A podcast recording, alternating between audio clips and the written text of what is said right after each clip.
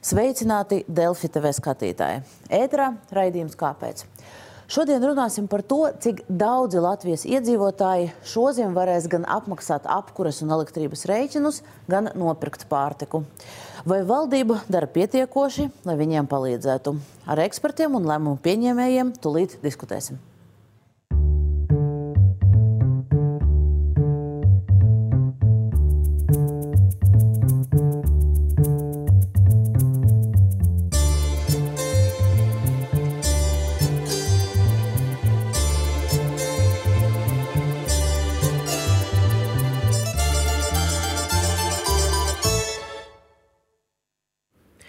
Un studijā mums ir pievienojušies šodien Gunārs Valdmanis, Latvijas elektroenerģētiķu un energobūvnieku asociācijas izpildirektors. Sveiki! Labdien! Labklājības ministrijas valsts sekretāra vietniece Elīna Celmiņa. Sveiki! Labdien! Fiskālas disciplīnas padomes sekretārs Normons Malnečs. Sveiki! Labdien. Rīgas aktīvo senioru alianses pārstāve Baiba Svetlana Rozenberga. Sveiki! Un Latvijas bankas ekonomists Oļegs Krasnopjovs. Sveiki! Labdien.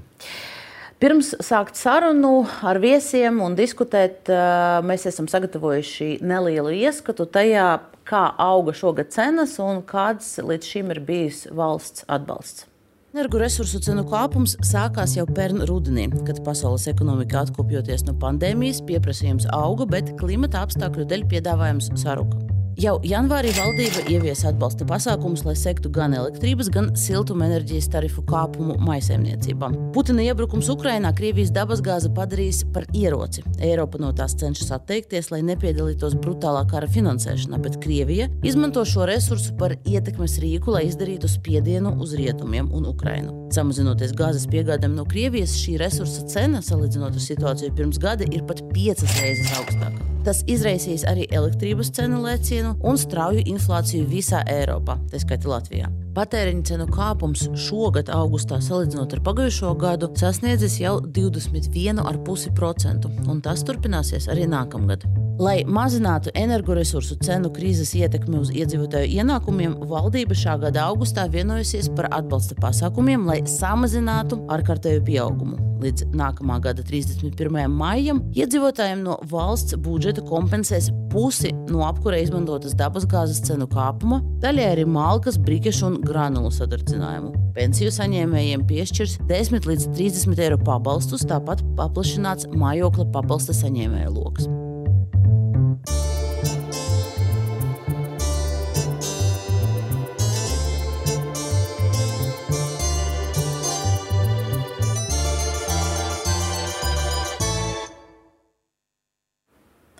Un es gribēju sākt ar lūgumu viesiem ieskicēt situāciju, kas šodien mūs gaida. Proti, kā jau pieteikumā ir minēts, patēriņa cenas augšā vairāk nekā 20%, gāze piecreiz, šķeldas cenas trīskārtīgi ir augušas, elektrība četrkārtīgi. Rīdzniekiem Rīgas siltuma tarifs uh, divreiz augstāks, ķekavā četrreiz, pat ja rēķinā jau tiks ierēķināts šis uh, valsts atbalsts. Vai šīs ir viss, vai mēs varam gaidīt šodien vēl kaut ko, vēl, vēl grūtāku situāciju? Lūdzu, jebkurš var, var atbildēt, varbūt jā. Jā, nu tad, šobrīd patiešām mums ir tā, ka vissvarīgākā ekonomikas problēma ir inflācija. Uh, Un šobrīd ir tā, ka inflācija ir jau 21,5%. Uh, es neprognozēju, ka inflācija vēl augs ļoti ātri, var sasniegt kaut kādus 25%. Uh, un pēc tam samazināsies nākamgad ap 10%, un tad jau 24. gada būs uh, gandrīz 2%. Ja? Uh, bet pat uh, šobrīd mums nav tik svarīgi, cik tā uh, inflācija liela būs. Jā, būs valsts atbalsta programmas. Un šobrīd tas valdības uh, valsts atbalsta programmas jau ir un būs, uh, un, un, un kas šobrīd jau ir iestrādāts, ka uh, šodien atbalsts būs 442 miljoni iedzīvotājiem plus 200 miljoni uzņēmumiem, kas arī ir atbalsts iedzīvotājiem un iedzīvotāju atbalsts ir arī atbalsts uzņēmumiem. Ja, un šobrīd ir skaidrs, ka ja valsts atbalsts būs par zemu. Un ja iestāsies ziema un vajadzēs vēl, tad vēl būs papildu valsts atbalsts. Par, par valsts atbalstu un to, kādam tam vajadzētu nākotnē arī būt. Un, uh, par to mēs mazliet vēlāk parunāsim. Sākumā es gribēju tiešām saprast šo bildi, uh, kuru mums ir uh, šobrīd. Uh, kā, vai, vai mēs zinām, varbūt Labklājības ministrijai ir, ir aprises, cik uh, šoziem pieaugs to cilvēku skaits, kuri nu, nevarēs norēķināties par, par saviem izdevumiem, samaksāt rēķinus, nopirkt zāles, pārtiku iegādāties. Mēs esam prognozējuši, kāds varētu būt saņēmējs skaits tiem atbalsta pasākumiem, par ko valdība ir vienojusies. Mēs esam prognozējuši, ka mājokļu pabalsta saņēmējs skaits sociālajos dienestos pieaugs un pārsniegs aptuveni 50 tūkstošus.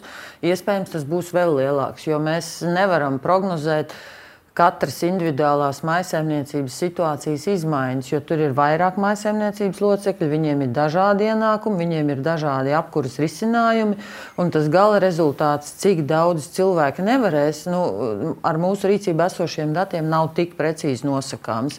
Bet eh, lēšot šos pieminētos 400 pāri miljonus valdības atbalsta pasākumiem, protams, ka katram pasākumam apakšā ir prognozētais saņēmējs skaits. Un kāds no atbalsta pasākumiem sasniedz eh, katru maisaimniecību.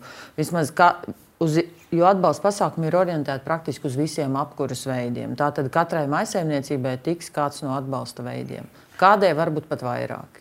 Uh, Rozenbergs kundze, jums jautājums. Tad jūs, jūs jūtat, ka tiešām nu, tie atbalsta pasākumi palīdzēs? Ka...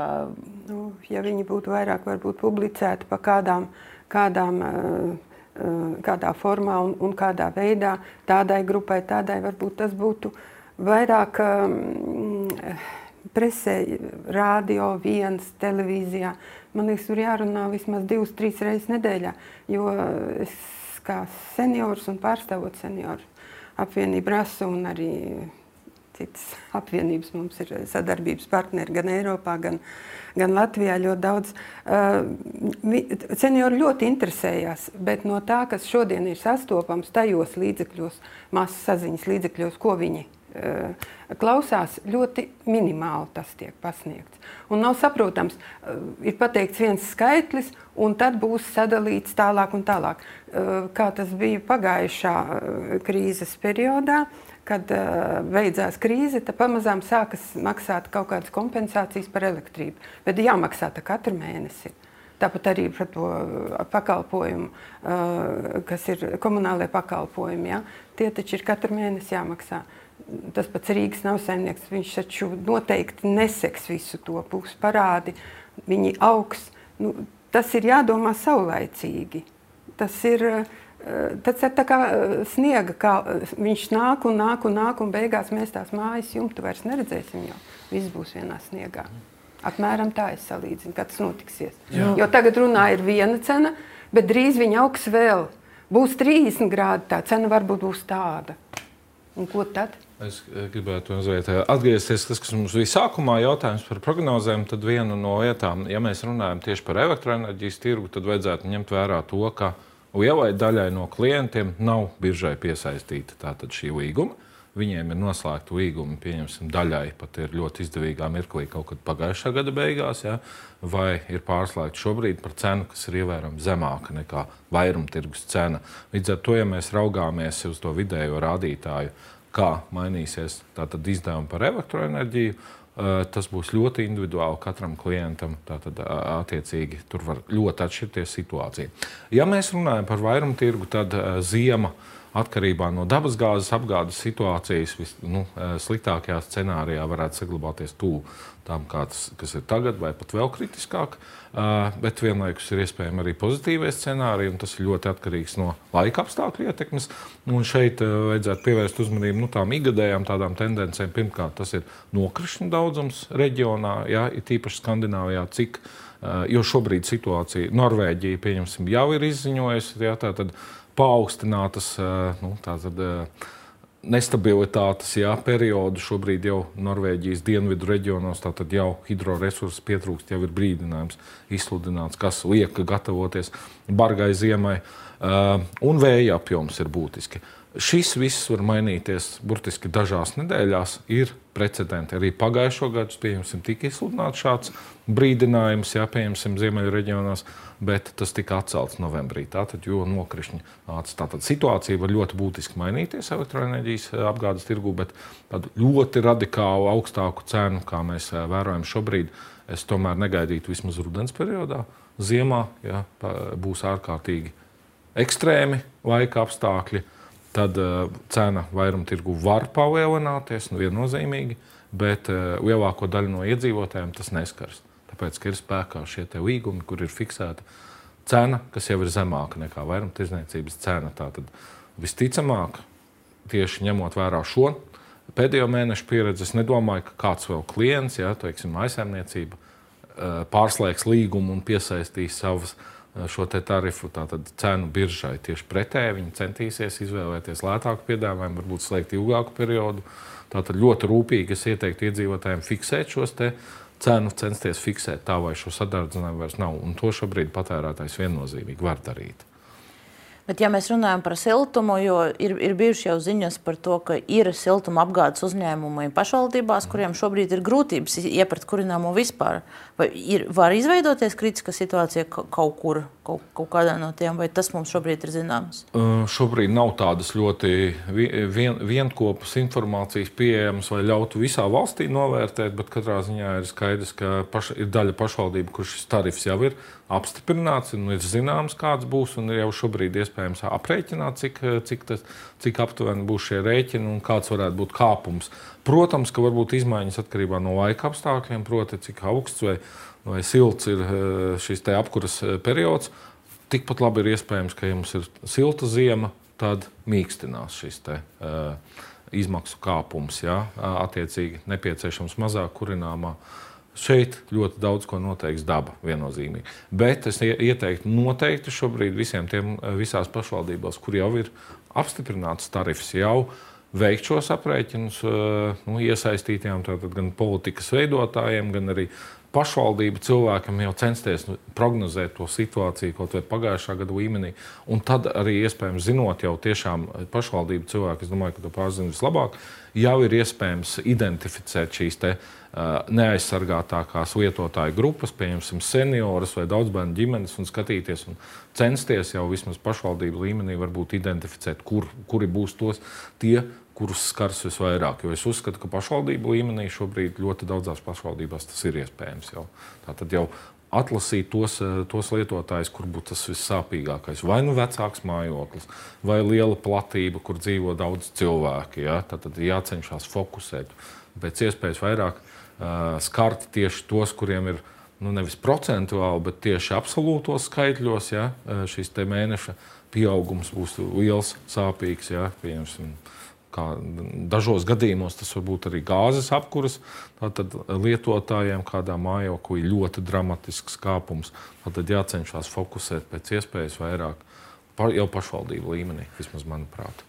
Nu, jā, pašvaldība, pašvaldību savienība. Mēs aicinājām šo diskusiju, bet uh, tur ir uh, liels pasākums viņiem, visa, visai organizācijai, tāpēc viņi netiek. Bet, nu, varbūt, varbūt uzklausīs. Es gribēju nospēlēt vienu fragment no raidījuma de facto uh, pagājušās svētdienas. Uh, tur runa bija arī par. Uh, par apkurses tarifiem un to, cik daudz varēs uh, atļauties samaksāt un lūk, ied, cilvēku iedzīvotāju viedokļi Čekavā.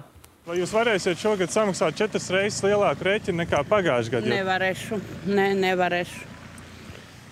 Alga tikko mainījies, viss ceļas, produkti dārgāk paliek. Nu, bēdīgi vispār. Ja teiksim, pagājušā sezona bija kaut kas 150, 160 eiro, nu, tad reizes 4. Tad tas būs jau 600, bišķi pāri varbūt pat. Jums būtu tas liels apgrūtinājums. Nu, savā ziņā, ja ir uh, divi bērni, tad uh, tas būs tā kā sitiens zem jostas vietas. Bet, nu, neko darīt. Man 350 pensija. Cik tagad pieliks, nezinu. Cik jums tas rēķins varētu sanākt, ja reizes četri? reizes četri, 400. Pāri 400. Ko jūs darīsiet? Garšos augšā. es nezinu, nezinu. Komentāri? Es varbūt gribētu pakomentēt. Ziniet, es diezgan daudz savas dzīves esmu dzīvojis ārzemēs, un, un, un man gribētu norādīt, ka Latvijā ir ārkārtīgi e, iztrūkstoša individuālās atbildības dzīves filozofija. Līdz to es, teiksim, es, es to uzskatītu par diezgan nekorektu sižetu, kur uzsvars uz nu, cilvēkiem, kuriem acīm redzam grūti. Bet, Bet tā sižeta esence ir tāda, jā, ir slikti un sliktā valdība lielam kaut ko nedara. Uh, Es gribētu atgādināt, ka tās visas augstās enerģijas cenas ir, ir kara dēļ. Ukraiņi to maksā savām dzīvībām. Un, un mums jāsaprot, ka valdība nevar to problēmu momentāli viegli risināt. Valdība nevar visiem nodrošināt tādu pašu dzīves līmeni, kāds tas bija pirms kara. Uh, Līdz ar to ir jāsaprot, ka, ka valdība ir kaut kādas robežas, ko viņi var, ko viņi nevar, un ka mēs dzīvojam vienkārši tādā laikā, ka visiem jādzīvo drusku pieticīgāk. Rozenbergs kundze, man nu, tā tad ir jādomā kaut kāda papildus resursi, papildus kaut kāda atbalsta veidi. Es runāšu par senioriem, kas ir ceturtā daļa no Latvijas iedzīvotājiem. Uh, Piemēram, tāds uh, faktors, kad kāpēc pensijas apliek ar iedzīvotāju ienākumu nodokli. Mūsu biedrībā ir uh, daudz uh, sadarbības partneri, apmēram deviņās Eiropas Savienības valstīs. Arī visas lielākās pilsētas Latvijā mēs kontaktējamies, diskutējam, aprunājamies. Mēs par savu pensiju jau esam samaksājuši gan sociālās iemaksas, gan iedzīvotāju ienākumu nodokli. Un tagad, saņemot pensiju, mums, izņemot neapliekamo minimumu, ko, paldies Dievam, Labklājības ministrija pacēla līdz 500 tagad, eiro, praktiski nabadzīgiem praktiski paņem, saņem visu pensiju, paldies Dievam. Iznāk tā, ka šis, šis faktors varētu būt viens no tiem, kas varētu nedaudz kaut kā atvilkt tos smagos apstākļus, kad cilvēki tiešām nevarēs samaksāt. Es domāju, seniori šī uh, faktorā. Jo uh, ir valstis, kurās arī Eiropas Savienībā ir kādas nu, ceturtā daļa valstis, kurās neapliek ar šo nodokli uh, senioru pensijas. Tātad varbūt tas būtu viens no faktoriem, kā varētu un diezgan operatīvi un ātri to, to realizēt. Eh, nevis ieturēt no atlikušās summas teiksim, 20%, bet ieturēt 15 eh, vai 12%, un, un tad izstrādāt programmu, eh, realizēt pagaidām piecu gadu laikā vispār vērst nu, tādu mērķi izstrādāt, kad vajadzētu šīs pensijas uh, tomēr atbrīvot no šī nodokļa, jo pensijas mūsu valstī ir samērā mazas salīdzinot ar citām. Varētu tāds būt viens no, no faktoriem, kas varētu būt papildus, un tas nav sarežģīti ieviest. Nu, ir, ir taču skaidrs, ka pat ja tas tā būs, tas neatrisinās vis, visas problēmas uzreiz, jo Latvija ir ļoti mazas pensijas, kas ir zem Jā. tā IN nepliekama minimuma. Uh, un tie uh, nav aplikti ar ienu tagad, bet ir lielas pensijas, 2000, 3000 eiro. Un tad būs tā, ka, tad būs tā ka mēs uh, to ienu samazinām, un ieguvēji ir tie ar, ar ļoti augstiem ienākumiem atkal. Ja? Uh, Progresīvā likme. Vai arī, jā, uh, vai arī nu, kaut kas līdzīgs, ka tagad ideja samazināt PVN kaut kādiem produktiem. Atkal, ja uh, jūs izturējat daudz, tad jums ir augsti ienākumi, un tā ir valsts subsīdija cilvēkiem ar augstiem ienākumiem. Bet šobrīd, ja ir augsti ienākumi, tad varbūt nav vajadzīga šobrīd krīzes situācijā tā subsīdija, jo, uh, jo svarīgākais mērķis ir tieši uh, uh, šobrīd dot šo subsīdiju iedzīvotājiem ar zemiem ienākumiem. Īsi varbūt par, par pensijām komentārs, un tad tiešām mēs runāsim par mērķietiem, iespējamiem pasākumiem tieši energo. Jā, es tieši gribēju uz to arī vērst uzmanību, ka valdība lēma, ka šiem energo atbalsta pasākumiem ir jābūt divos virzienos. Mērķētiem uz konkrētām iedzīvotāju grupām, sociāli jūtīgajām grupām. Tās ir e, pensijas vecuma personas, cilvēki ar invaliditāti un ģimenes, kuras audzina bērnu ar invaliditāti. Tām būs konstanta apmēra atbalsts. Neatkarīgi no tā, Bet kāda ir viņu rēķina, ir 10, 30 eiro, Bet nu- tas ir neatkarīgi no tā, kāda sastāvā maisaimniecībā viņi dzīvo. Ja tur ir divi pensionāri, tad katrs no viņiem saņem šo atbalstu. Bet pie, es, es, atvainojos, es, es, es atļaušos drusku pārtraukt, jo nu, mēs redzējām, mēs redzam cenas veikalos, mēs redzam šos tarifus, un ir skaidrs, ka pat 60 nav eiro mēnesī atbalsts. Tas nav vienīgais nerisinās. atbalsts. Eh, Liela daļa tieši zemo pensiju saņēmēji guva savu nu, pensijas palielinājumu pēc 1. jūlija, kad mainījās arī ar ienākumu nodokli neapliekamais pensijas apmērs. Šobrīd indeksācijas apmērs, ja mēs par piemēru paņemam pensiju 350 eiro pie aptuveni 40 gadu darba stāža, indeksācijā viņai klāt pienāk vairāk kā 80 eiro. Tie ir gandrīz 20%. Tas nozīmē, ka tas jau ir uh, diezgan liels pielikums. Tie nav 5 eiro vairs. Šie cilvēki, atkarībā no sava maisaimniecības apkuras veida, varēs arī saņemt kādu no apkuras paredzētajiem atbalsta pasākumiem. Vienalga, vai tā ir centralizētā dabasgāze, granulas, malka vai elektroenerģija apkurei. Un gala beigās, ja arī ar visiem šiem atbalsta pasākumiem maisaimniecības kopējā situācija ir tāda, ka viņi nespēja norēķināties par mājokļu izdevumiem, tad ir vēl šī iespēja sociālajā dienestā lūgt eh, piešķirt mājokļu pabalstu. Un mājokļu pabalsts, ko piešķir sociālais dienests, nav atkarīgs ne no trūcīgas personas ienākuma sliekšņa, nekā cita. Tur skatās maisaimniecības ienākums mājokļu izdevumus. Turklāt mājokļu izdevumos ņem vērā ne tikai siltumu, bet visas ar mājokļu uh, dzīvi saistītās izdevuma pozīcijas. Tā kā tiem cilvēkiem, kuri nevarēs norēķināties ar saviem ienākumiem par mājokli, vienmēr ir šī iespēja vērsties sociālajā dienestā, kas ir galējais risinājums mājokļu pabalstu saņemšanai. Mēs tad turpināsim šo sarunu un runāsim turpmāk tiešām par to, kas šobrīd ā, ir valdības ā, piedāvājumā šoziem un kā to varētu uzlabot.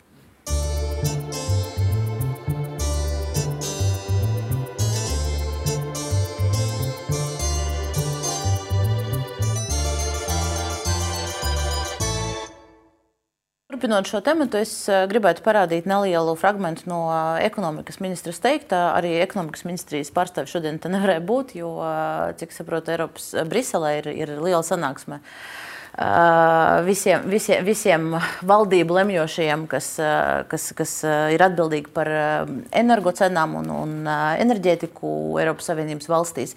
Tāpēc nospēlēsim nelielu fragment, ko ekonomikas ministri ir divās dažādās intervijās Latvijas televīzijai ir teikusi šonadēļ.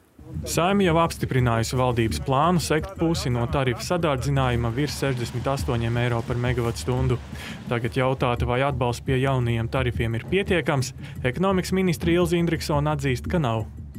Noteikti būs nepieciešams kaut kāds papildus krīzes atbalsts tieši tām uh, maisaimniecībām, kas dzīvo teritorijās, kas vie- dažviet pat ir vienkārši mazs neliels ciems, kur ir tikai gāzes apkūra, kur šie tarifi ir nesamērīgi, lai palīdzētu ģimenēm, kas varbūt neatbilst trūcīgas maznodrošinātas personas statusam, bet tomēr ir nonāka krīzē tieši šajā apkūra sezonā, lai šos, šīs izmaksas sektu. Tieši mājsaimniecībām šobrīd ekonomikas ministrija ir informējusi arī visus valdības kolēģis, ka mēs redzam riskus, ka tie cilvēki vai mājsaimniecības, kas nekvalificēsies mājokļu pabalstam, eh, tiešām var nonākt reālā krīzē. Līdz ar to būtu nepieciešams krīzes atbalsta risinājums, līdzīgi kā Covid laikā, neizvērtējot materiālo situāciju, bet to brīdi, kad ir tie rēķini vairāk nekā spēja samaksāt.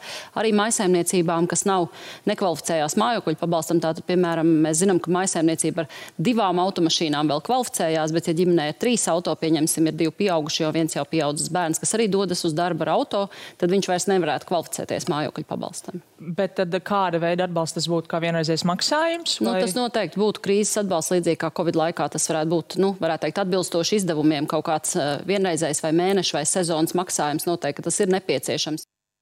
Tātad ekonomikas eh, ministrija valdības partneriem ir piedāvājusi kaut kādu krīzes atbalstu, tad eh, varbūt labklājības ministrijā Nē, kaut kas ir rīcībā- zināms. Mūsu rīcībā nav vairāk informācijas, kā bija minēts šajos sižetos. Mēs esam gatavi kopīgam darbam, tad, ja viņiem ir apsvērumi un priekšlikumi par šādiem konkrētiem atbalsta sliekšņu izmaiņām, jauna pabalsta ieviešanām, bet eh, šobrīd līdz mums šāda informācija nav nonākusi. Bet kā ok, informācijas šobrīd piedāvājuma jums nav, bet varbūt mēs te studijā varam pamodelēt, kas tas varētu būt. Ir, ir divi, cik es saprotu, uz, uz, uz galda ir divi piedāvājumi. Viens ir krīzes pabalsts līdzīgi kā Covid situācijā, pandēmijā.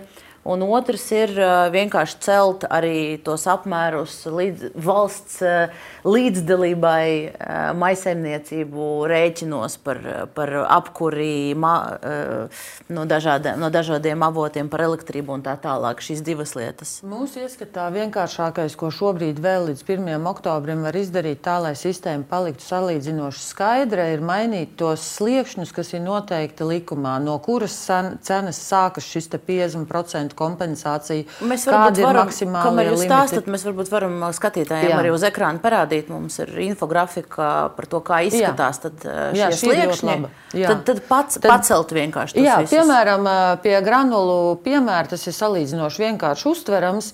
Šobrīd kompensē pusi no tās cenas, kas pārsniedz 300 eiro par tonu. Tikpat labi var arī paziņot, ka kompensē pusi no cenas, kas pārsniedz 250 eiro vai kādu citu summu. Un to pašu var izdarīt ar pārējiem atbalsta veidiem.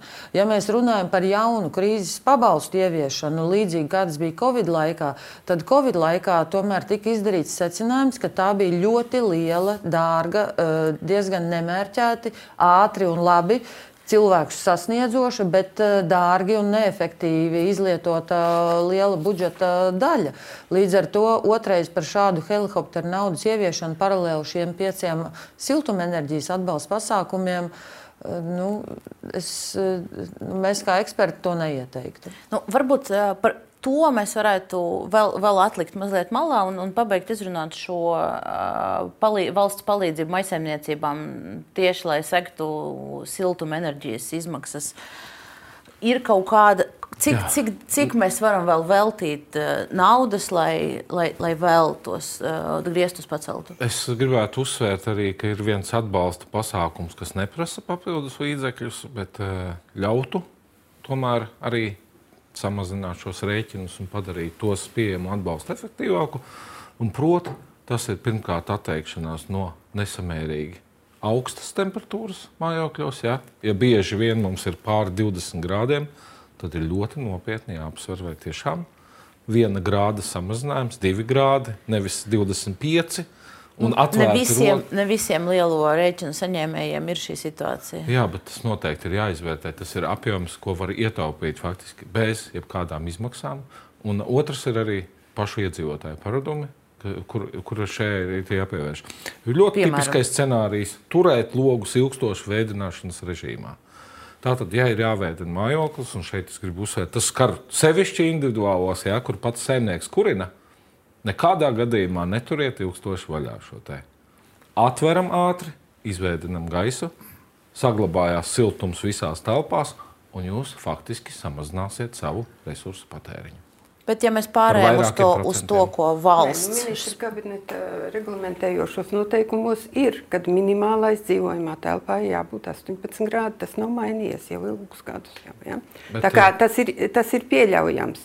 Un mēs savā daudzdzīvokļu mājā arī par to uh, diskutējām, kad ir, ir jāregulē sistēma, jāieliek programmā tā, ka Jā. būtu. Un naktīs vēl uz pāris grādiem mazāk. Es varu minēt, faktiski pēc aprēķiniem viens grāds nodrošina 5% aptuveni ietaupījumu enerģijas. Un, ja mēs teiksim, runājam, kurš saimnieks pats pabalsta saņēmējs ir arī tas, kurš faktiski arī regulē šo energoresursu patēriņu, tur ir iespējams pat ļoti būtiski. To, to mēs sapratām, jā, bet, bet ja nolikt šo malā un šo, es domāju, daudz saklausīju šo, šo priekšlikumu, bet cik vai, mēs, vai, vai valsts šogad var atļauties, kā ekonomikas ministrija piedāvā, kompensēt vēl vairāk šo sadardzinājumu nekā šobrīd ir piedāvāts? Vai, vai ir kaut kādi aprēķini, vai mēs zinām? Kaut kādi aptuveni aprēķini ir, bet, bet šobrīd, uh, izsakot jebkādas prognozes, vienmēr blakus jāsaka vārds uh, liela nenoteiktība pilnīgi visās jomās. Uh, Līdz to teiksim, ja mēs pieņemam, ka iepriekšējā ziemā kopējais atbalsts izmaksāja ap 400 miljoniem. Un šogad arī. Pašlaik šo ziemu jau ir saprogrammēts, ka varētu būt ap kādiem 700 miljoniem. Ja? Nu, tā godīgi sakot, nu, uzliekot roku uz sirds, jā, mēs varbūt vēl varam drusku, bet jautājums, vai mums, mums tas jādara, mums vesel kaut citām prioritātēm. Mēs nezinām, kā attīstīsies karš, mums būs nepieciešams stiprināt savas aizsardzības. Mēs, mēs nezinām, ja mums ir kaut kādas rezerves, tas nenozīmē, ka mums šobrīd viss līdz pēdējiem viņas jāizmaksā. Tad... Man liekas, valsts kopumā ir pieturēsies pie pareiza principa. Ir uh, cenu pieaugums, daļu sedz valsts, daži paši iedzīvotāji. Kolēģis ļoti pareizi pateica, mums ir milzīgas rezerves uz ekonomiju. Lūdzu, lai sākas apkuras sezona, skatī, skatīsimies, kāda viņi ir, skatīsimies, kā mēs iepērkam gāzi. Uh, Un tad, ja skatāmies, ka tomēr iedzīvotājiem nu, ir pašvaki, mēs varam vēl drusku atļauties maksāt vairāk. Bet, ja mums ir rezerves, mums nav pirms apkurses sezonas, viņas jānovērt līdz nulē. Eh, tad vai, vai no šī es varu secināt, ka ja šobrīd valdība piedāvās kaut kādus konkrētus, eh, vēl pirms tā 1. oktobra eh, piedāvās konkrētus soļus, kā, kā kompensēt vairāk šo pieaugumu, tad fiskālās disciplīnas padome ieteiks to nedarīt. Jūs zināt, es esmu tikai sekretārs, un, un sekretariāts apkalpo sešus uh, labus Latvijas ekonomistus, kur izteiks savu viedokli. Tā kā es, es, es nevarētu, nevarētu šeit sniegt nekādu. Bet, bet vienkārši šobrīd, gan arī nākošais gads, nav spēkā fiskālajie nosacījumi. Līdz ar to nu, teorētiski, ļoti teorētiski, nu, valdība var pieļaut lielāku budžeta deficītu nekā parasti. Ja? Bet visam ir savs maksa. Mums pašlaik ir ļoti labs kredītreitings starptautiskos tirgos. Mēs aizņemamies par ļoti labām procentu likmēm. Tās likmes jebkurā gadījumā ies uz augšu. Ja mēs vēl papildus tērēsim naudu, nodrošiniet cilvēkiem tikpat komfortablus apstākļus kā pirms kara, nu, tad arī reitinga aģentūras skatīsies, viņas dos savu signālu, un mēs par savu parādu maksāsim vairāk nekā pašlaik, teiksim, aptuveni 200 miljonu gadā. Līdz ar to ir, ir jāsaprot, ka budžets tas nav kaut kas, uh, kur ir liela nauda, ko sliktie ierēģi vai politiķi vienkārši negrib labajiem cilvēkiem dot. Jo, ja mēs kādam dodam papildus, tad ir tikai trīs finansēšanas avoti. Tātad mēs jautājam, labi, kam, tad, kad, kam tad mēs ņemam nost? Skolotājiem, policistiem, māsiņām. Otrs, ja ne, tad uh, kādu nodokli palielinām. Atkal būs brālis. Un trešais, ir aizņemamies. Bet, kā jau teicu, aizņemšanās viens, cik tas ētiski pret nākošajām paudzēm. Numur divi, agrāk vai vēl būs spēkā fiskālie nosacījumi, tam mums vajadzēs atmaksāt.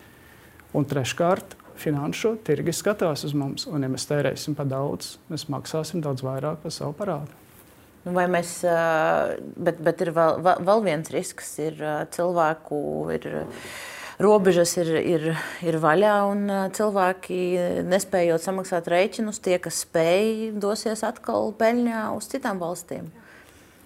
Jo galu galā mēs redzējām, ka Eiropas, ok, nu šī vairs nav Eiropas Savienības dalība valsts, bet, nu, jebkurā gadījumā Lielbritānija vakar Lielbritānijas premjerministri paziņoja, ka Tur gan uz diviem gadiem ir cenu griesti. Maisaimniecībām noteikti valsts, cik es saprotu, subsidēs. Vairāk nekā noteiktu summu viņi sola, ka cilvēkiem nebūs jāmaksā. Nu, būsim varbūt arī godīgi un atklāti un paskatīsimies uz faktisko šo te, uh, apmaksas kārtību. Faktiski siltuma apgādes uzņēmumos jau šobrīd, un arī tad, kad cenas bija smieklīgi zemas, Un tad, kad bija patērētāju dzīves, sauksim vietas īstajos vārdos, arī tad katru gadu faktiski siltumapgādes sektors un pašvaldības reāli finansēja daļu patērētāju, kuri pieņemsim, neapmaksāja savus rēķinus šajā apkuras sezonā un sedza. Dažos gadījumos pakāpeniski, dažos gadījumos ar piedziņu, bet šie parādu apjomi patiesībā nav niecīgi. Ir skaidrs, ka nu, daļa iedzīvotāju rīkosies arī šajā apkurses sezonā. Tā. Un, ja, ja raudzītos uz to ļoti pragmatiski, tas noteikti nav sliktākais risinājums. Jo šie līguma nosacījumi, piemēram, neapmaksājot komunālo rēķinu vai apmaksājot to daļēji, ir krietni mīkstāki, iecietīgāki nekā, pieņemsim, kā tiek dažkārt minēts, aizņēmās ātrā kredītu vai apmaksātu elektrības rēķinu tā ir vislielākā, un tas ir tas, ko es šajā krīzē noteikti mudinātu nekādā gadījumā nedarīt. Labāk vienoties par parāda nomaksu ja, vai daļēju rēķinu apmaksu ar šo siltumapgādes uzņēmumu ar komunālo uzņēmumu, bet uh, sastādīt šo maksājumu grafiku, vienoties par to. Bet varbūt uh, censties neatteikties no citām vitāli svarīgām vajadzībām, tātad runāt, komunicēt ar šo. Bet šobrīd jau tik un tā ir gadījumi, kuros uh, šie parādi nonāk pie parādu piedzinējiem. Bet tas ir vienmēr ļoti ilgi, un tad, kad parādnieks ir atteicies faktiski sadarboties ar šo uzņēmumu, ar šo piegādātāju ilgstoši. Kaut kādu, kaut kādu nosacījumu īstenošanu šodien, ņemot vērā to, ka nu, tie lielākoties tie būs seniori, kas nespēs apmaksāt. Un tad, kas tiks uh, ņemts, uh, ir viņa pensijas? Nu, uh, kas, ir, kas, ir, kas ir jāsaka? Ka noteikti ir attieksme savādāka pret uh, visos gadījumos. Katrā uzņēmumā, protams, šī parāda, parāda piedziņa un šī vienošanās ar klientiem notiek savādāk. Bet, ja klients apmaksā kaut vai daļu rēķinu, tik cik var atļauties, Tas noteikti ietekmē šo lēmumu. Tā tad vēl vai komunicē, vai ir gatavs sastādīt šo grafiku. Patiesībā daudzās pašvaldībās vēsturiski, paskatāmies, bija jau šī izlīdzinātie maksājumi. Tā tad bija iespēja arī faktiski daļu no eh, tā paredzamajām apkuras sezonas izmaksas, izmaksām sekt jau arī eh, nu, saka, jau eh, ārpus apkuras sezonas laika. Tāpēc arī faktiski nu, es, es to jau pavasarī rosināju to darīt, ka, ka tomēr gan piegādātājs, gan arī klients tomēr solidarizējās, tātad meklē vieglāko risinājumu. Varbūt Rozenbergs kundze ir komentārs par šo. Nē, tā, tāda praksa ir. Tāda praksa vienmēr bijusi apsaimniekošanas uh, sistēmā. Ja, ja tu uh, komunicējies un sāc maksāt kaut vai nedaudz katru mēnesi, bet tad bija mazas tās izmaksas, bet tagad viņas būs ļoti lielas ja ziemā būs mīnus 30 kā sola mums, ja, ka kāds mēnesis var būt tāds, tad stādieties priekšā, cik viens kvadrātmetrs apkurs izmaksā. Apdzīvojumās platības. Jebkurā gadījumā tas, uh, izmaksās, uh, tas ir izmaksas arī siltumapgādes uzņēmuma pusē. Nu, līdz ar to ir jārēķinās vai nu. Ir, ir, viena, ir, viens, ir viena iespēja tik daudz, bet vairāk valsts arī nevar iedot. Nu, protams, bet ir jārēķinās. Ka... Un, uh, Un, protams, ka šobrīd ļoti labi, ka mums tā iespēja sniegt valsts atbalstu ir. Šādas iespējas nebija mums iepriekšējā globālās finanšu krīzes laikā, 8. gads. Jau nerunājot par to, ka uzreiz pēc Latvijas neatkarības atja, atja, atjaunošanas, kad, kad valdībai nebija iespējas ekonomiku atbalstīt. Šobrīd vissvarīgākais jautājums ir, lai šis valsts atbalsts būtu pēc, pēc iespējas efektīvāks. Ja? Uh, un kas nozīmē efektīvāks? Ka valsts atbalsts jābūt tieši uh, fokusēts uz iedzīvotājiem ar zemiem ienākumiem, ka šis valsts atbalsts arī jābūt īstermiņā, jo, lai nebūtu tā ilgtermiņa domāšana, jau kam uh, nekāds ne rēķini būs tie paši, energoefektivitāte nav vajadzīga. Valdība vēl 20 gadus mums tikpat atbalstīs. Nē. Tātad šīs atbalsts ir īstermiņā, uz šo ziemu veicinām energoefektivitāti, jā, lai pēc tam varētu šo naudu vislabāk izturēt valsts attīstībai. Lai nav tā ļoti liela budžeta daļa, katru gadu ir jāizturē vienkārši siltuma rēķinu apmaksai. Ja? Nu tā, bet, bet šī iespēja ir un tā.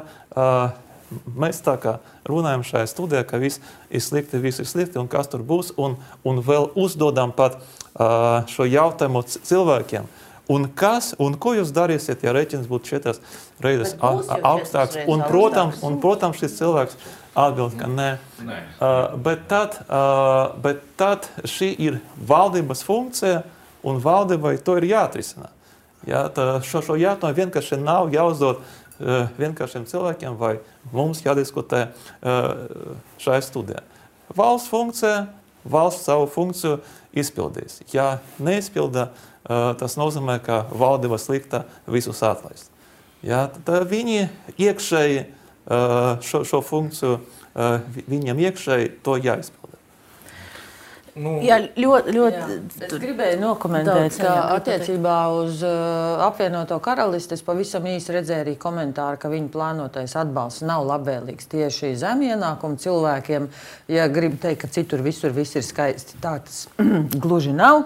Uh, attiecībā uz to, ka atbalstu var arī mainīt, Protams, ka var mainīt uh, jebkurā brīdī, tad, kad to situāciju konstatēs. Vienkārši, ja tās ir izmaiņas piedāvātajos atbalsta instrumentos, kas šobrīd ir izplatīti mēdījos, tad būtu ļoti muļķīgi. Tagad mēs ejam ārā ar informāciju, kad atbalsta slieksnis sāks pie tik un tik eiro vai pie tik un tik kilovatstundām, un to mainīt 15. oktobrī. Tas būtu absurds.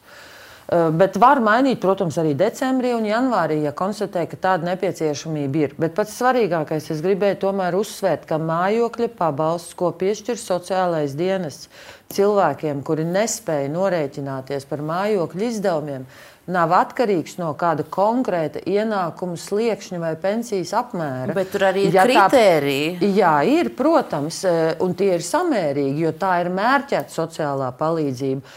Diez vai ka Latvijas sabiedrība tādā plašākā mērogā būtu ļoti priecīga, ja mēs dalītu sociālo palīdzību mājokļu izdevumu apmaksai arī ģimenēm, kurās ir trīs auto.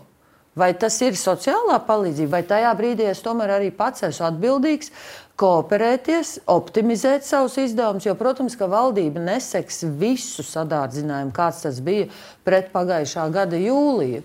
Sociālā palīdzība vienmēr būs ar kritērijiem. Es nevarēšu dzīvot viens pats 100 km2 dzīvoklī un lūgt, lai man nosedz visas mājokļa izmaksas. Tā nebūs. Bet, ja man ir samērīgi izmēra mājoklis un man ir viens automašīna, un otrs autors, ko mans partneris vadā bērnus, tad tā ir akceptējama sociālajai funkcionēšanai vajadzīga situācija. Arī zemes daudzums zināmā apmērā ir iespējams, arī saimniecības ēkas funkcionāli piederīgas ir iespējams. Arī dārza māja, kas ir lietojama tikai vasaras periodā, nav šķērslis saņemt sociālo palīdzību. Ir virkni izdevumu, ko neņem vērā. Tie ir pabalsti specifiskajām situācijām, ģimenes valsts pabalsts, īpašās kopšanas pabalsts un vēl virkni lietu. Nu, mēs negribētu piekrist, ka tas būtu nu, nepareizi uzbūvēts pabalsts. Jautājums, vai, vai šobrīd, pieaugot, piemēram, mājokļa pabalsta lūdzēju skaitam, uh, resursi pie, pietiks tiešām no iedziļināties gada, un šo visu izvērtēt? Valdība no šī gada sedz 50% no pašvaldību izdevumiem, ko viņi izlieto mājokļu pabalstu sekšanai. Agrāk valdība šādu līdzfinansējumu nedeva pašvaldības eh, Tur vēlētos, protams. Jautājums varētu būt uh, cilvēku resursos. Nu, Jā, ja, ja ir divi cilvēki, kas spēj jā, izvērtēt, tas ir vairāk liels, nepaliek. Es piekrītu, tas ir ļoti, ļoti liels izaicinājums. Tieši tādēļ likums paredz, ka dienesti varēs un pašvaldības šos apkurus iesniegumu, atbalsta pasākumu iesniegumus izskatīt ilgākā laika periodā. Nu, ne visām aizsardzniecībām tā situācija ir tāda, ka vajag uzreiz rītā. Man tas ir svarīgi, bet es varu pagaidīt mēnesi vai pusotru un dabūšu atpakaļ to kompensāciju. Dažam tas ir svarīgi jau rīt un nākamajā nedēļā. Tādēļ pašvaldībām būs tiesības šos iesniegumus izskatīt 40 un 30 dienu laikā. Ļoti īsi. Jā, nu, vēl viena lieta, ko gribētu akcentēt, un noteikti nevaram runāt par tādu vispārīgu četrkāršu pieaugumu. Ir mājokļi, nu, kur šobrīd tiek ķekava, konkrēta situācija eh, izskatīt. Nu, tur, tur arī dzīvo cilvēki. Katrā pašvaldībā atšķirās ļoti būtiski šī situācija. Un tas nozīmē, ka jā, iespējams, ka jāmērķē arī pa pašvaldībām konkrētām. Otrs. Renovētās mājas. Daži šogad paspēja pieņemt, norenovēt. Viņam nekādā gadījumā nebūs četrkārtīgs kāpums. Tas ir pilnīgi viennozīmīgi ja, apkurē. Tur nav gaidāms. Nu, tur gan ir kredīts par, par to renovēšanu. Nu, bet, uh, es atvainojos, viņi to ir aprēķinājuši. Jebkurā gadījumā tā ir mājokļa. Tā tad tā, nu, nu, ne, ne, nevajag to pavērst tā, ka kāpums būs visur. Piedodiet, kundze, ir, iz, iz, izskatās skeptiski. Nu, man liekas skeptiski, bet ir ļoti skaidrs pierādījums. Ir SPRK apstiprinātie tarifi. Tie ir apstiprināti šobrīd šiem uzņēmumiem. Nefantazēsim, paskatāmies konkrētā pašvaldībā, cik ir. Nevis kaut kā ļoti abstrakti ņemt, ka visiem kāps. Lūdzu, tas ir vienkārši melns uz baltu uzrakstīts, apstiprināts manā pilsētā. Tā kā stāstīt, ja, ka būs tik vai tik, varbūt nē, nebūs. Katrā konkrētā pašvaldībā konkrēts pakalpojums sniedzējs ir noteicis konkrētu cenu. Lūdzu, es neredzu vispār, par ko tur vispār strīdēties. Pēties, jā. Rozbergs kundze, jūs Jā, nu, te- teiksim, maisaimniecībā. Es parasti tā kā savā profesijā vienmēr rēķinu uh, vienības izcenojumu. Uh, lai Latvijā jāmaksā būtu 30, 40, 45 centi par vienu kilovatu stundu elektrības, tāds var būt Vācijā pie viņu attīstītā kapitālisma, bet nevis pie mums, kur cilvēki to nespēja. Pat ja viņam ir 100 kW, un ja viņam ir elektriskā plīts, tad viņam būs 200 kW. Un cik tas izmaksā? Un ja to sarēķina kopā visu, cik tas gadā izmaksā? Viņš pie ārsta, tas, eh, es runāju par senioriem mājsaimniecībā, Uh, viņš pie ārsta neaizies, viņš nenopirks neko jaunu, viņš, viņš minimālo, jau tagad var redzēt, minimālo produktu skaitu dienā vai divām nopērk un rēķina, cik ir var atļauties nākošā reizē nopirkt. Jo seniori ir visdisciplinētākie iedzīvotāji Latvijā. Ir atnācis rēķins, viņu uzskata, Es, ir es jāsamaksā. būšu spiests oponēt. Es runāju pirmkārt Jā. par siltumenerģijas cenām. Tas ir pilnīgi Nu, jā. cits kaut kas. Tas nav apkuras sezonas jautājums. Tagad uh, elektroenerģijas ir- cena mums ir aptuveni 100 tūkstoši, ne nu, 160 tam tūkstoši. cilvēkam, kas maksā, šis viss saliekas kopā. Mēs jau runājam kontekstā arī ar, ar patēriņu cenu pieaugumu un pārējo. Jā, viennozīmīgi, bet ir skaidrs, ka elektroenerģija nav tik liela pat ar, pat ar visu jā, patēriņu, kāds ir vidusmēra senioram. Tie, šeit mēs nerunājam par tādiem simtiem. Es pateikšu ļoti konkrēti. Vidējais Latvijas elektroenerģijas patēriņš ir plus mīnus ap 100 kWh. Tātad pie 35 eiro vai 35 centiem, 45 eiro. Tātad mēs runājam par 45 eiro. Un nevis par Jā, simtiem vai 10, 12. Jā, Tas ir daudz. Maksāja, jā, Jā. maksāja daudz. Un sarēķiniet ar 12 mēnešiem. Es tagad varu pateikt, ja? tā cena, kas bija izveidojusies iepriekšējos desmit gados, 5 eiro par megawatu stundu, jā, tie ir 0,05 centi. Tas ir tieši iemesls tam, kāpēc mēs esam esošajā situācijā. Proti, bija patērētāju dzīves uz ļoti ilgu laiku. Un šobrīd, jā, ir smagas sekas netālredzīgai politikai. Tās ir ļoti smagas sekas, bet, bet ja mēs runājam par elektroenerģiju, es uzskatu, ka šobrīd tiešām valsts, eh, valsts piedāvātie instrumenti spēj to elektroenerģijas sadaļu nosegt. Vēl nedaudz par iespējamiem, iespējamiem atbalsta veidiem, par kuriem gan runā arī citur Eiropas Savienībā, un kuri tiek izskatīti vismaz priekšlikumu līmenī šobrīd Latvijā. Es gribētu dažus pieminēt, lai mēs izskatītu, vai tas ir kaut kas, kas teorētiski kaut kad, jebkad Latvijā būtu iespējams. Mēs varam parādīt atkal ekonomikas ministrijas sagatavoto grafiku, un ja, ja skatītāji un viesi var pavērot to, tos sarkanos krustiņus, tas ir kaut kas, kas ir izvērtēts, bet pagaidām neatbalstīts, neatbalstīts idejas, kā mm, mazināt šo cenu krīzes slogu uz maisaimniecībām. Un pieņemsim, te ir kaut kas, kas šobrīd jau 13 Eiropas valstīs ir ieviest, un tas ir PVN likmes samazinājums. enerģijai un akcijas nodokļa likmes samazinājums degvielai. Tātad šie pasākumi degvielas cenu pieaugums lapēšanai 13 Eiropas valstīs ir. Es ne, neminēšu, tur katrai valstī ir savas, savi paņē- paņēmieni, bet Francija, Īrija, Nīderlande, Polija, Itālija ir ieviesušas. Vai kāds varbūt no. Uh, no fin, finanšu teiksim, mēs diezgan kategoriski iestājāmies pret akcijas nodokļu samazināšanu degvielai. Jo? Uh, Tā paša diviem iemesliem dēļ. Numur viens tam ir liela fiskālā ietekme. Ja es pareizi atceros, tie, lai, lai samazinātu degvielas cenu par vienu centu, tas izmaksātu budžetam 10 miljonus. Numur divi. Visā pasaulē tomēr pieprasījums pēc degvielas ir diezgan neelastīgs, ieskaitot Latvijā. Teiksim, arī pašlaik cenas ir gandrīz dubultojušās gada laikā, un patēriņš nav samazinājies. Ja? Un, lai arī kā mums atkal var žēlinošus sižetus parādīt, kur nabaga cilvēki nevar ieliet benzīnu, bet kopā nu, degvielu pa lielam patērē tomēr pārtikas cilvēku. Bet runa jau, Ieskaitot runa jau ir par, par, par ietekmi uz pārtikas cenām. Bet, eh, bet arī tā pati Polijas, eh, jā, Polija ir vispār eh, aprīlī. Viņi ieviesa diezgan tādu bagātīgu kompensēšanas programmu ja, un, un, un, un, un uz pusgadu. Tajā laikā gan Latvijā, gan Polijā uh, inflācija bija ap 8%. Mums šodien inflācija ir 20, viņiem kaut kur 14.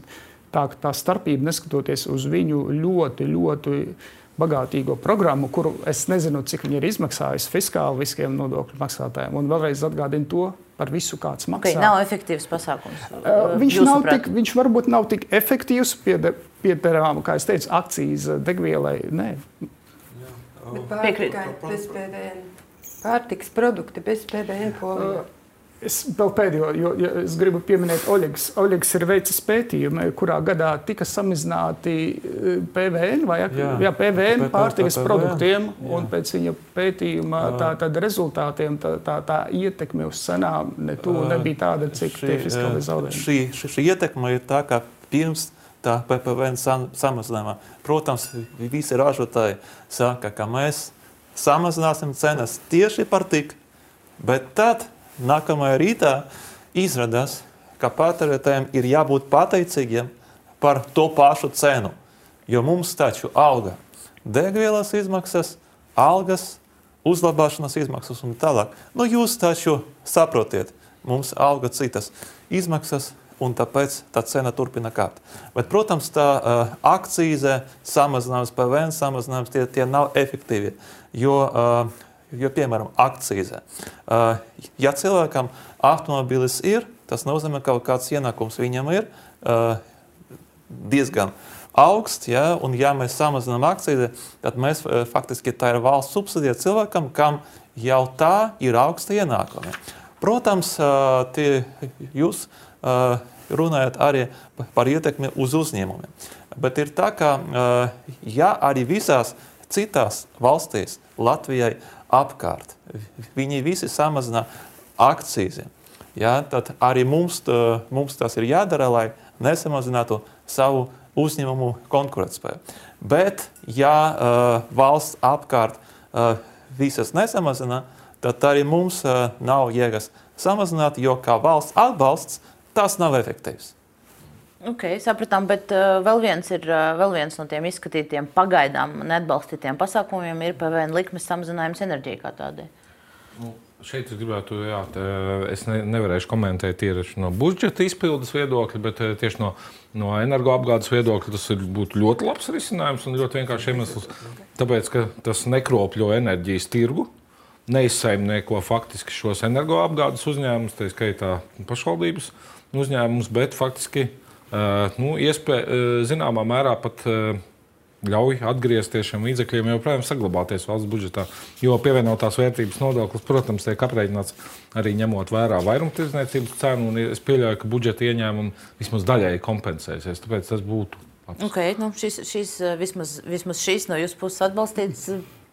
Man ir atbilde. Lūdzu. PVN mums dod vislielāko daļu budžeta ieņēmumu. Tātad kārtībā reizē, tātad, ja mēs samazinām kādu PVN, Tātad tas, tas būs diezgan, diezgan liela. No otras puses, ja mēs, tātad, mēs samazinām ieņēmumus budžetā, tad mums nav vairāk līdzekļu, ko atbalstīt pensionāriem. Tāpēc man piedāvājums labāk mērķēts atbalsts. Nesamazinām PVN, es varu samaksāt PVN. Man nepatīk maksāt lielākas uh, cenas, bet es to varu atļauties. Labāk no manis iekavējiet pilnu PVN un mērķēt un novirzīt pensionāriem, citiem, kam vajag. Kāpēc visiem jāsamazina arī tiem, kas labi dzīvo? Aizbrauciet, paskatieties uz, uz šiem iepirkšanās centriem, mašīnu, no kura nopērko nu, daudz cilvēku komfortabli dzīvo. Viņiem nevajag samazināt PVN. Nu, jā, visus gadus uh, iepriekšējos indeksācija bija divreiz gadā senioriem. Bija krīze un nolēma, ka nu, tik daudz valsts nevar atļauties vienreiz gadā. Uh, Kāpēc tad neatgriežas tā sistēma? Tā būtu tiem mazajiem, jā, viņi katru mē, eh, pusgadu pie, saņemtu klāt pie pensijas. Es neesmu politiķis, lai eh, atbildētu uz šādu jautājumu. Ja jaunā valdība nu, kā ekspertam šo jautājumu, šis... Nu, tā ir politiska vienošanās, vai mēs indeksējam divreiz gadā vai vienreiz gadā. Izdarīt to var, tā iepriekš ir darīts, tas maksā noteiktu summu. Ja to likumā nostiprina, tad tas ir iespējams. Bet, protams, ka indeksācija jau ir atkarīga no tā, kāds ir tas indeks, ko izmanto. Ja tā inflācija ir bijusi maza, tad arī indeksācijā iegūtā summa cilvēkam ir maza. Nu, šogad sanāca tā, ka tie pielikumi pie tām pensijām ir lieli, jo tie izējas cipari ir lieli. Līdz ar to nu, ir loģiski, ka viņi kompensē lielāku daļu nu, to ietekmi. Bet ko es gribēju par to atbalstu plānoto piebilst? Ja pensionāram liekas, ka nav informācijas, un iespējams, ka tā arī ir, mēs runājam katru dienu, mūsu uzrunā vis visādi mēdī, kaut kur tā informācija aiziet. Cilvēks viņu sasniedz, bet liekas, nu, ir organizācijas, ir ģimenes un ir draugi. Ja jums apkārt ir cilvēks, kurš kurina māju ar malku vai ar dabas gāzi, un jūs saprotat, kāda veida atbalsts viņam pienāksies, un viņš saka, ka viņš neko nesaprot, un viņam nav informācijas, nu aiznesam to informāciju tiem saviem radiem, draugiem, vecvecākiem, skaidrojam. Nu, nebūs tā, ka mēs katram vienam varam piezvanīt no ministrijas un pastāstīt, kāds būs viņa atbalsts. Mēs mazliet jau esam iesākuši par, par, par, par politiskiem lēmumiem, un dažas minūtes redzējumā mums vēl ir atlikušas. Tajās es gribēšu jums pajautāt par to, ko mēs sagaidām pēc 1. oktobra, pēc 14. sēmas vēlēšanām.